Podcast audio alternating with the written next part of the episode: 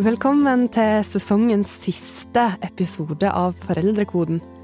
Nå er du sikkert i full gang med å planlegge gave, handle, vaske, rekke alle juleavslutninger og ikke minst prøve å huske alt det du skal huske. Derfor er jeg, som heter Amalie Læring, veldig takknemlig for at du tar deg tid til å høre på oss likevel. Og som ei gave tilbake, så skal vi i dag prøve å senke de stressa juleskuldrene dine, i alle fall fire hakk ned, når jeg og Hedvig Montgomery skal ta for oss fire utfordringer i familiejula, og gir deg fire løsninger.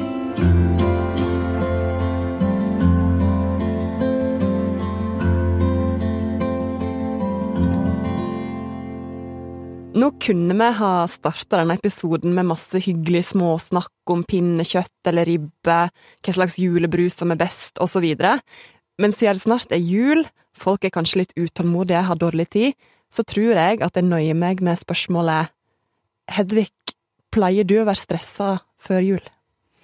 Mm. Det er rart med det, for det er akkurat som om hele rytmen, i hvert fall i min jobb, men i samfunnet ellers også, bygger opp til at allting liksom skal skje samtidig til jul. Man skal avslutte årsregnskap, man skal avslutte dette halvårets uh, undervisning, man skal avslutte dette halvårets uh, store prosjekter. Allting skal liksom være klart til jul. Hvis noen klarer å ikke kjenne på det i det hele tatt, så tror jeg det er ganske godt gjort. Hva er ditt beste råd til foreldre som er stressa nå før jul? Altså, det er så mange måter å feire jul på, men jeg vet hva jeg har gjort for noe selv. Jeg har fortalt barna mine at julen begynner på lille julaften. Alt begynner på lille julaften? Eh, vi har jo rett og slett flyttet, og det er noe interessant som har skjedd. Vi har flyttet julefeiringen til å begynne i begynnelsen av desember, og vare hele desember. Mens det er ikke veldig mange år siden at jul var noe som begynte på julaften og varte ut i romjulen. Mens nå er jo de aller fleste lei av jul når vi kommer til julaften. Så noen ting har jo skjedd. Men det hjelper faktisk litt på stresset å ta tilbake igjen til at la oss gjøre alle de hyggelige tingene når vi har fri og tid sammen. Hva konkret er det du har venta med til lille julaften, da? Det er for eksempel baking. Absolutt uh, å gjøre det uh, pyntet og klart i huset. Kommer bare noen små drypp uh, tidligere, men de ordentlige tingene kommer ikke før da. Men gavene tar du før? Jeg har ofte tenkt på gavene før, men jeg hører nok til dem som er ute i siste liten med å faktisk skaffe dem, ja. En eh, anonym redaktør eh, jeg møtte i studio rett før vi gikk inn, han mente at stress det er en del av eh, julegleden. Er du enig med han i det, eller? Jeg vil i hvert fall si at denne forventningen, som jo stress også viser til, er en del av julegleden. Og det er massevis av ting i julen som har den der forventningsoppbyggingen som får det til å krible litt i kroppen. Lukter, smak, musikk, ting som liksom får oss til å bygge opp den der håpet om det som skal komme, som er veldig, veldig fint. Vi skal snakke mer om forventninger straks, men hvis det er én ting med foreldre som kjenner på stress, kan droppe, eh, hva burde vi droppe da? Vet du hva, vi kan droppe nesten hva som helst, for her er det viktig å huske på én ting. Julefeiringen er en høytid som er der fordi vi skal ha det fint sammen. Det er en mulighet til å være sammen på en annen måte, men det er ingenting vi må gjøre på en bestemt måte. Men alle andre gjør det jo. Det kan man si om nesten alt her i livet, men det interessante med jul er at det finnes så mange måter å gjøre det på.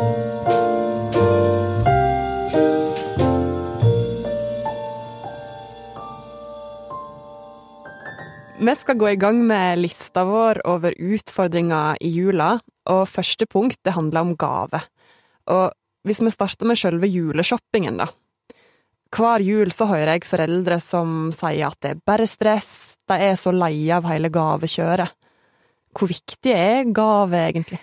Det er vittig, fordi jeg syns hvert eneste år så kommer det en sak i avisen om at i år skjærer vi ned på gavebudsjettet, og i januar kommer det en, ny sak hvert eneste år at det aldri har vært brukt mer penger på gaver enn akkurat denne julen.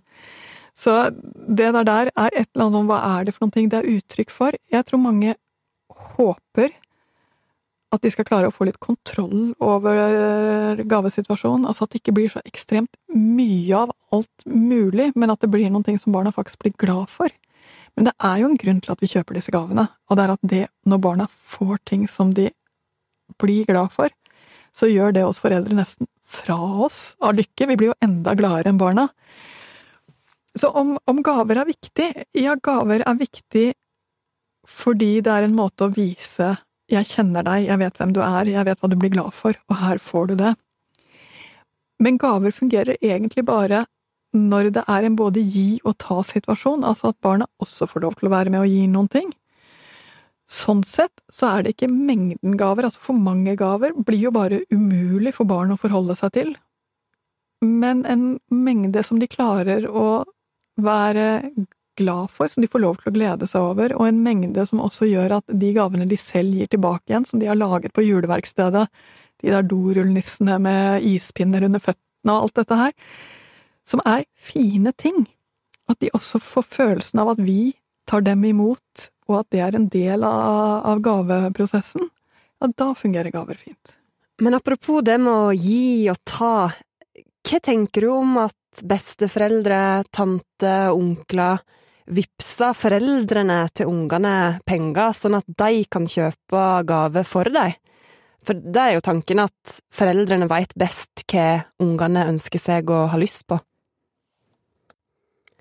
Er det en uting? Altså, jeg må si, det er ikke å gi gave. Det er å vippse penger. Det er noe helt annet. Skal en gave fungere som en gave, så må den gis av den som har eh, på en måte ønsket å gi den. Så jeg skjønner godt at eh, onkler og tanter og besteforeldre spør om råd. Jeg skjønner godt at de må bruke litt tid på å researche hvem mottakeren er, hva liker dette barnet å leke med. Kanskje også høre i bokhandleren og ja, i uh, klesforretningen hva det barn og unge på den alderen liker. Men det å si at foreldrene skal kjøpe dobbeltsett med gaver fordi jeg ikke helt vet hva ditt barn liker. Jeg syns det er litt sånn gavelatskap i det. Hvem er penger som gaver, da? Jeg må si at det finnes en alder hvor penger i gaver faktisk er ganske genialt. Eh, når barna kommer opp i 10-11-12-årsalderen og virkelig kan glede seg over å bruke egne penger, så har det en verdi. Så det syns jeg faktisk er kanskje mer innafor. Du var jo innom det i stad, men det med antall gaver Hvor mange gaver Det er jo et, det er et veldig stort spørsmål som varierer fra barn til barn og familie mm. til familie, men hvor mange gaver bør barn få? Og altså, det er noen ting jeg tenker om gaver. Det ene er at har du små barn, altså barn i barnehagealder, pass på at gaveutdelingen ikke kommer for sent. Eh, spis middag tidligere, ta gavene tidligere, sånn at barn er opplagt når gavene kommer. Utslitte barn som skal sitte og pakke opp, er ikke gøy verken for dem eller for den som gir. Det andre, hvor mange gaver klarer et barn å ta inn? Vet du hva? Altså, en av de tingene vi vet fra øh, psykologien som handler om hukommelse og bruk av arbeidsminne, det er at seks til åtte enheter er egentlig det vi klarer å forholde oss til av gangen. Og det er jo litt sånn tommelfingerregel også for hvor mange sånne gaver er det det virkelig det går an å huske, bli glad for og, og holde ordnings på. For de minste barna så er det litt færre. Eh, for de større barna så, så er kanskje seks til åtte helt riktig. Og er det veldig mange flere gaver i det i familien, fordi dere er mange, det er mange generasjoner, det er mange søsken som gir, ja, da kanskje det er lurt å dele opp, og særlig for de minste barna, i to omganger en på julaften og en liten sånn slenger neste dag. Kan være smartere enn å ta allting i én stor sånn kjempebulk. Så jeg ser at, at familier løser dette på litt forskjellig måte. Men det kan altså være lurt å tenke igjennom, sånn som jeg kjenner mitt barn, når er det det pleier å stoppe opp, hvordan skal vi løse det? Hvordan skal vi lære ungene dette med takknemlighet når de får så utrolig masse på såpass kort tid? Jeg tror at vi skal være klar over at det gjorde nok vi også. Det var bare på et litt annet nivå, men allikevel. Vi fikk mer enn det vi var vant til. Det var overveldende. Og når ting blir overveldende, så er barns følelser slik at de klarer ikke alltid å vise den riktige følelsen utad til det de kjenner innad. Så det kan godt være at barnet er supertakknemlig, men ikke klarer å få frem et eneste ord. Og det er ikke fordi barnet er utakknemlig, men det blir rett og slett for stort til å formulere ut. Så hvordan viser vi barn takknemlighet? Ja, for det første fordi vi takker selv. Vi takker hverandre. Jeg takker mannen min for det jeg fikk fra ham. Jeg eh, takker eh, mamma for det jeg fikk fra henne. Jeg takker barnet for det jeg har pakket opp fra barnet. Altså det at vi selv viser frem interesse og takknemlighet for det vi får, er faktisk det aller viktigste. Ja, for da blir jeg litt, litt eh, nysgjerrig, fordi det er jo så mange ulike måter å løse den gaveoppakningen på på julaften. I noen familier så sitter jo alle og åpner opp hver for seg, og alle åpner opp samtidig, mens jeg er vokst opp med at vi tar én og én gave fram fra treet, og alle ser på mens du åpner opp, og så tar vi neste etter det. Mm. Har du noen tanker om praksisene her? Nei, igjen, jeg ser jo at familier gjør dette veldig forskjellig, men enten du gjør det på den møljeoppakkingsmåten, eller du gjør det på den eh, litt strenge én-og-én-pakkemåten, så tror jeg det er viktig å lage plass for øye-til-øye-kontakt og tusen takk-tid. Så hvis du er stressa på grunn av gave, hva er det viktigste å ta med seg? Her er det virkelig én ting som gjelder, og det er at klarer du som forelder å tenke gjennom hva hvordan er barnet mitt akkurat nå? Hva er det for noen ting i livet hennes som eh, koker, og som hun blir glad for å få? Hvis du klarer å gi en pakke som viser noe At du ser henne nå, nå som hun har begynt å sminke seg, eller nå som hun har begynt å leke med dokkevogn, eller nå som hun har begynt å, å kle seg litt annerledes, og så klarer du å ha én gave som treffer den der endringen som barnet går i fra år til år, da er allting annet helt underordnet.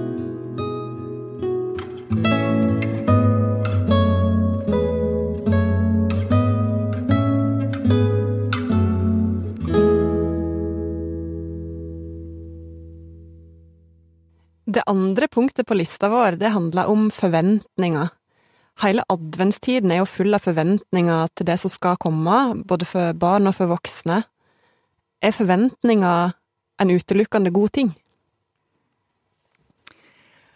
Jeg må jo si at selv syns jeg jo nesten forventningene er det fineste i hele julen. Det der å tenke gjennom hvordan det skal bli, det å glede seg over julekonserter og juleforestillinger. Det er ikke bare noe som bygger opp, det er også noe som er der og da, og i mørketiden så er det jo noe veldig, veldig fint i det. Så det ene er å la denne forventningen som ligger i å eh, åpne luken i adventskalenderen, få lov til å være en glede der og da.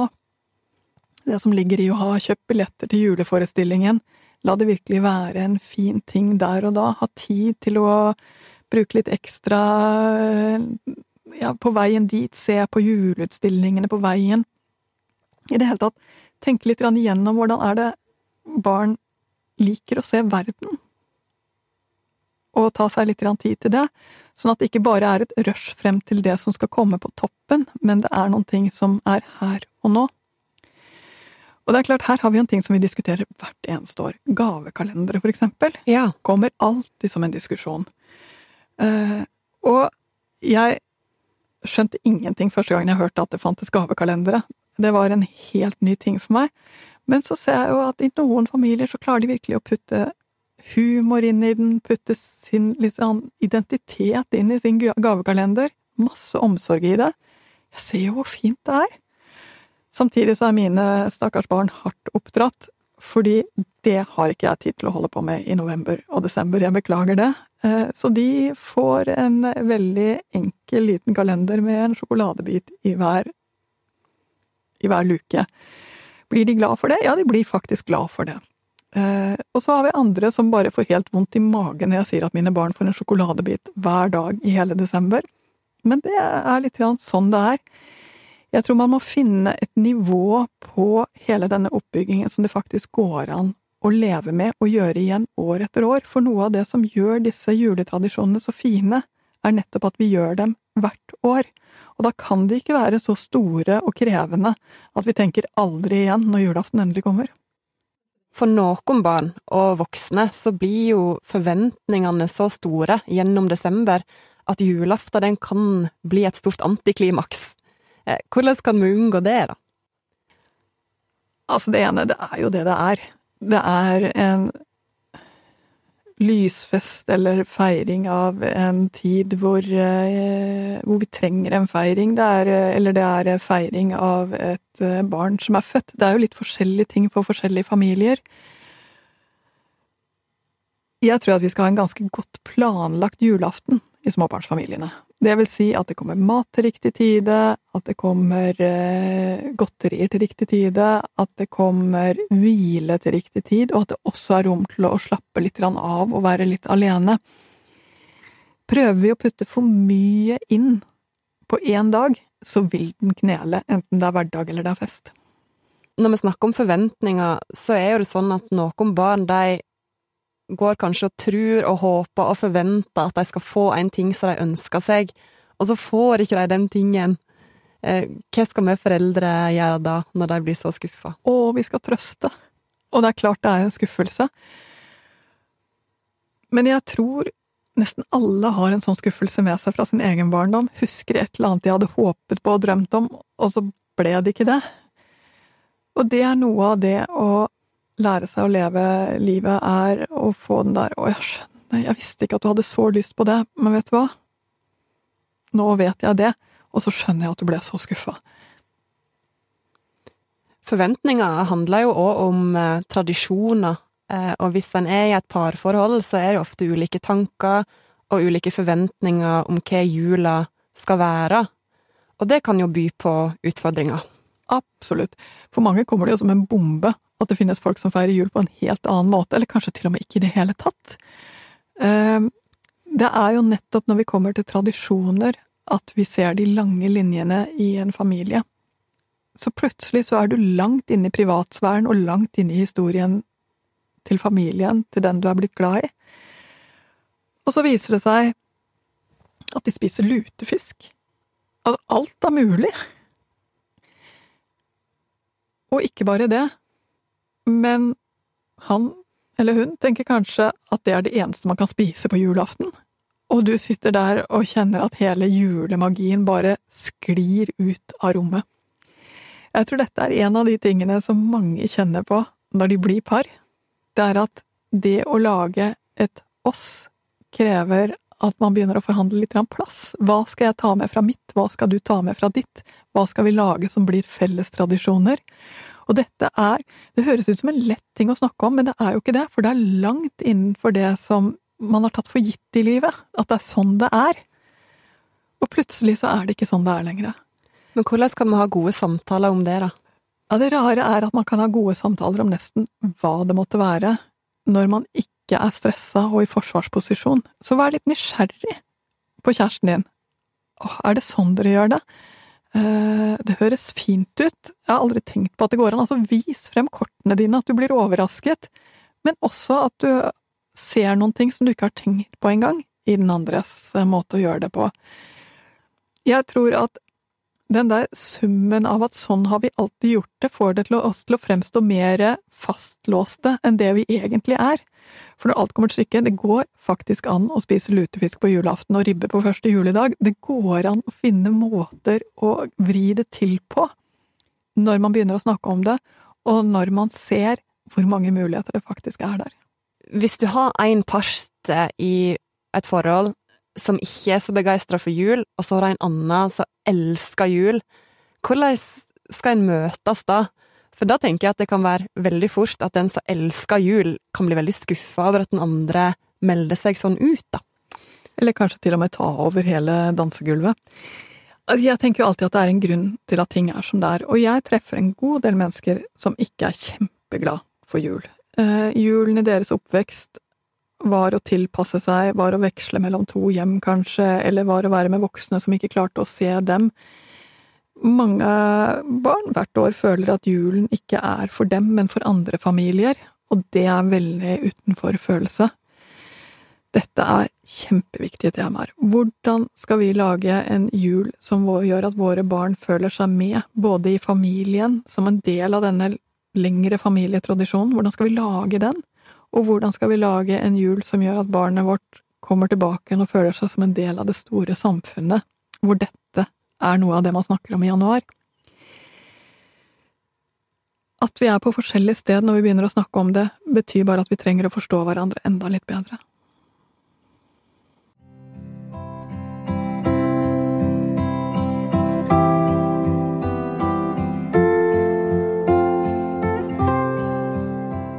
Og apropos lutefisk og hva du eter til jul. Vi skal snakke om jul hos svigers. Eh, fordi ofte eh, i et parforhold så er jo det sånn at du feirer kanskje ikke jul sammen før du har fått barn. Men når du har fått barn, da må du feire sammen. Og det betyr jo for mange at det blir første julefeiring nettopp hos eh, svigers, da. Og noen har jo sikkert ingen problemer med det, men jeg vet om mange som har syntes, syntes at det har vært helt forferdelig. Og at det har liksom ikke noe med svigers å gjøre, men bare den der tanken på å ikke være med sine egne, da. Mm. Har du noen tips til deg? Og jeg skjønner det så godt, for det er jo så tydelig hvem er innenfor og hvem er utenfor. Når du kommer til hvem som er med på julefeiringen. Plutselig så skal du være borte fra dem du alltid har vært sammen med. Det kan kjennes ut som du kommer veldig, veldig langt bort. Så det første er hvordan skal vi ta vare på den fellesskapsfølelsen som ligger der med mine foreldre eller min familie? Det høres kanskje lett ut, men det er det ikke, for det er fort gjort å putte altfor mye inn i en kort julehelg, hvor vi skal farte fra én familie til neste, og så glemmer vi at barn liker ikke, og spesielt ikke barnehagebarn, at det er for brå skifter og for mye farting, så man må ha et tempo som barna kan være med på. Dette er en ting å finne ut av. Hvordan kan vi klare å ta vare på begges fellesskapsfølelse oppi dette her? Og så er det klart, når du er på besøk hos noen, så er du faktisk på besøk. Og det betyr at du tilpasser deg litt reglene og skikkene i det huset. Så når du kommer hjem til ditt barns besteforeldre, for det er faktisk det vi snakker om, så er du både der og lager jul for ditt barn og for deg selv, men du er også gjest i et hus. Og det å være gjest er noen ganger bare gøy og fest, og du føler at andre gjør allting, mens andre ganger så er det å være gjest litt å liste seg rundt, ikke lage for mye lyder når du er på do fordi det har lytt, altså du, du får sånne ting som, som gjør det vanskelig over tid. Jeg tror jo at du nesten på et eller annet nivå må slå deg litt til ro med at nå er det gjest jeg er. Jeg kan hjelpe til, jeg kan passe på barnet mitt og sørge for at barna har det fint. Jeg kan eh, prøve å ha små lommer av tid hvor jeg ikke går på nåler eller prøver å tilpasse meg, men at vi gjør noe sammen, vi som oss tre, eller hvor mange vi nå er som bor sammen til vanlig. Men den tiden du er gjest hos noen, er faktisk litt tilpasning, uansett hvordan vi snur og vender på det. Men kan ikke en prøve å ta litt eierskap til det, og prøve å ta inn litt av dine ting inn i den nye familiens tradisjoner? Ja, du, det kan sikkert være at det går an i noen familier, men jeg tror i de aller fleste tilfeller så er svaret på det nei. Det går ikke. Du er gjest, og du kommer inn i noen ting som har ligget der lenge. Men pass på at det er små pauser, at du og kjæresten din kanskje får en uh, tur ut og gjør noen ting alene, at uh, dere drar og aker uten at det er så mange flere med, at du får noen sånne små pauser hvor du kan uh, tenke ja, det kan faktisk være litt fint å være på besøk også når eh, jeg snakker med folk, og kanskje spesielt de som er i småbarnsfasen, da, så er inntrykket mitt at de aller fleste feirer 50-50, ett år hos den ene familien og ett år hos den andre. Men hvis du begynner liksom å leke litt med den tanken om at du vil feire i ditt eget hus, og at du ikke vil feire med noen andre eh, Er det, holdt på å si, er det lov? Det er jo lov, men for mange så er det en stor, nesten tabu. Ja, men kanskje er det først da man blir voksen? Jeg vet ikke. Eh, jeg syns jo det er noe ganske fint i å feire hos andre, eh, fordi det lager en annen rytme og, litt andre ting. Og så er det noen ting jeg liker å holde på av uh, våre tradisjoner inn i det hele, som jeg kanskje da gjør mer av før eller etterpå. Det å feire hjemme hos seg selv er jo virkelig å tenke nytt for mange. Og de aller fleste kommer jo dit på et eller annet tidspunkt.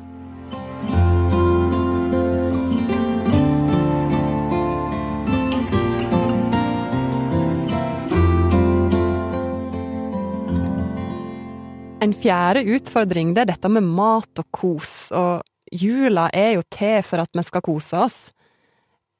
Skal vi som foreldre bare gå for den der det har ikke noe å si hva du eter mellom jul og nyttår, men mellom nyttår og jul, og bare ha liksom helt frislepp?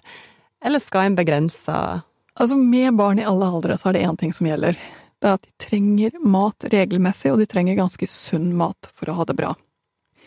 Så de trenger den der måltidsrytmen, ikke gi slipp på den. De trenger å fylle magen med mat som gjør at de vokser og strekker på seg og får det de trenger. Ikke gi slipp på den. I tillegg så trenger de de bollene og den delfiakaken, Delfia-kaken, som forresten bare er fett. Eh, den også, eh, men den skal ikke komme istedenfor det barn trenger for å bygge og trives. Det skal komme som en ting i tillegg. For det med å snakke med barn om mat, det er jo en, det kunne, og kropp, da, det kunne jo vært en egen episode. Men når barnet ber om den tiende pepperkaka, da, eh, og, de, og, du sier nei, og de spør hvorfor ikke, hva er det beste svaret å gi det?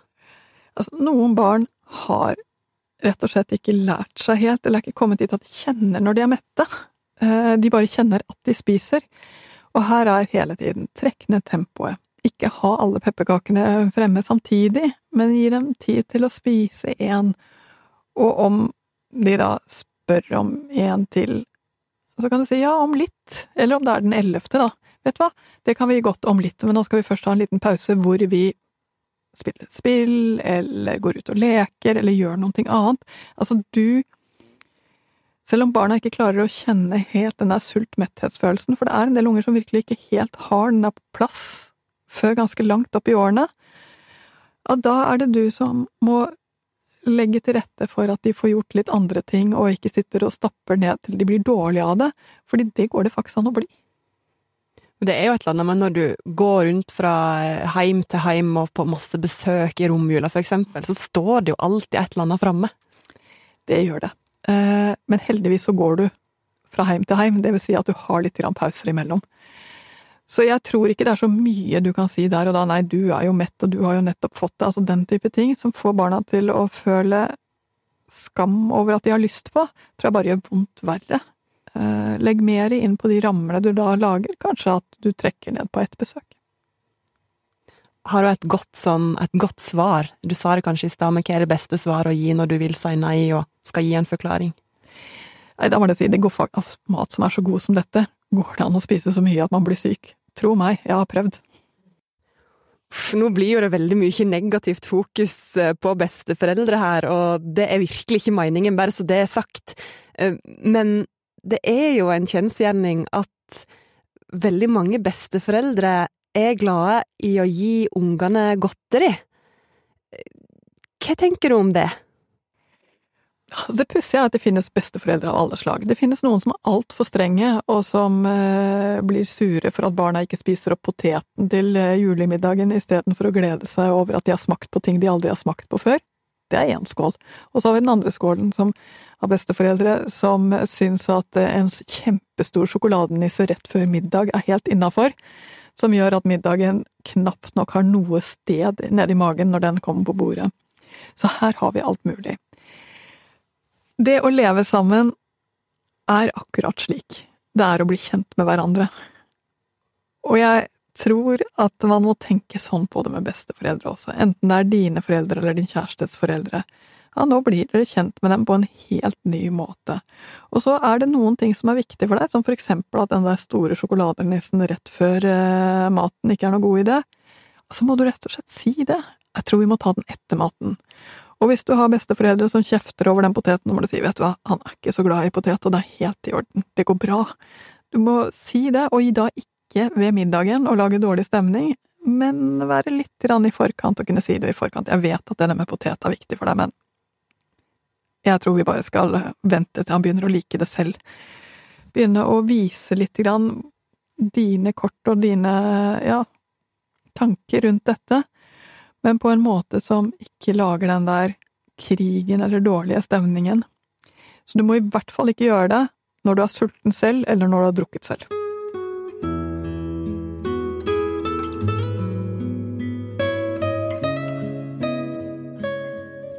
Det var det vi hadde for denne sesongen. Tusen takk til alle som har hørt på oss, og ikke minst takk til alle som har kommet med ideer og innspill. Og før vi sender lytterne videre inn i juletiden, Hedvig, et siste overlevelsestips. For jula? Ja, vet du hva? Hvis du bare får 10-15 minutter for deg selv hver eneste dag, uten noen inntil deg som vil ha noe av deg, trenger noe av deg, som du må gjøre noe for, da klarer du jula. Og så er det én ting til. Riktig god jul, da. God jul!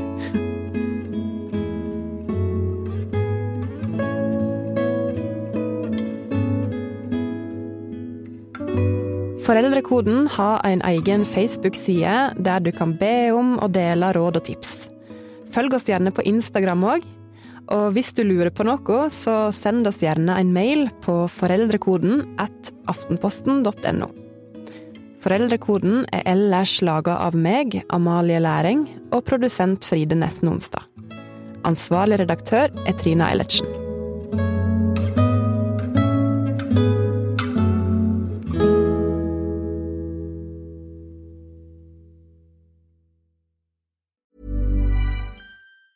If you thought the only way to get a more defined jawline with natural looking results was through surgery, think again. Juvederm Volux XC is a non surgical injectable gel filler that improves moderate to severe loss of jawline definition and can help you achieve natural looking results with little downtime. Even better, this improved definition lasts up to one year with optimal treatment. No maintenance required. Improve jawline definition for a smooth, sculpted look with Juvederm Volux XC. For important safety information and to find a licensed specialist, visit juvederm.com. That's J U V E D E R M.com. Not for people with severe allergic reactions, allergies to lidocaine, or the proteins used in Juvederm. Common side effects include injection site redness, swelling, pain, tenderness, firmness, lumps, bumps, bruising, discoloration, or itching. There's a risk of unintentional injection into a blood vessel, which can cause vision abnormalities, blindness, stroke, temporary scabs, or scarring. Talk to a licensed specialist to find out if it's right for you.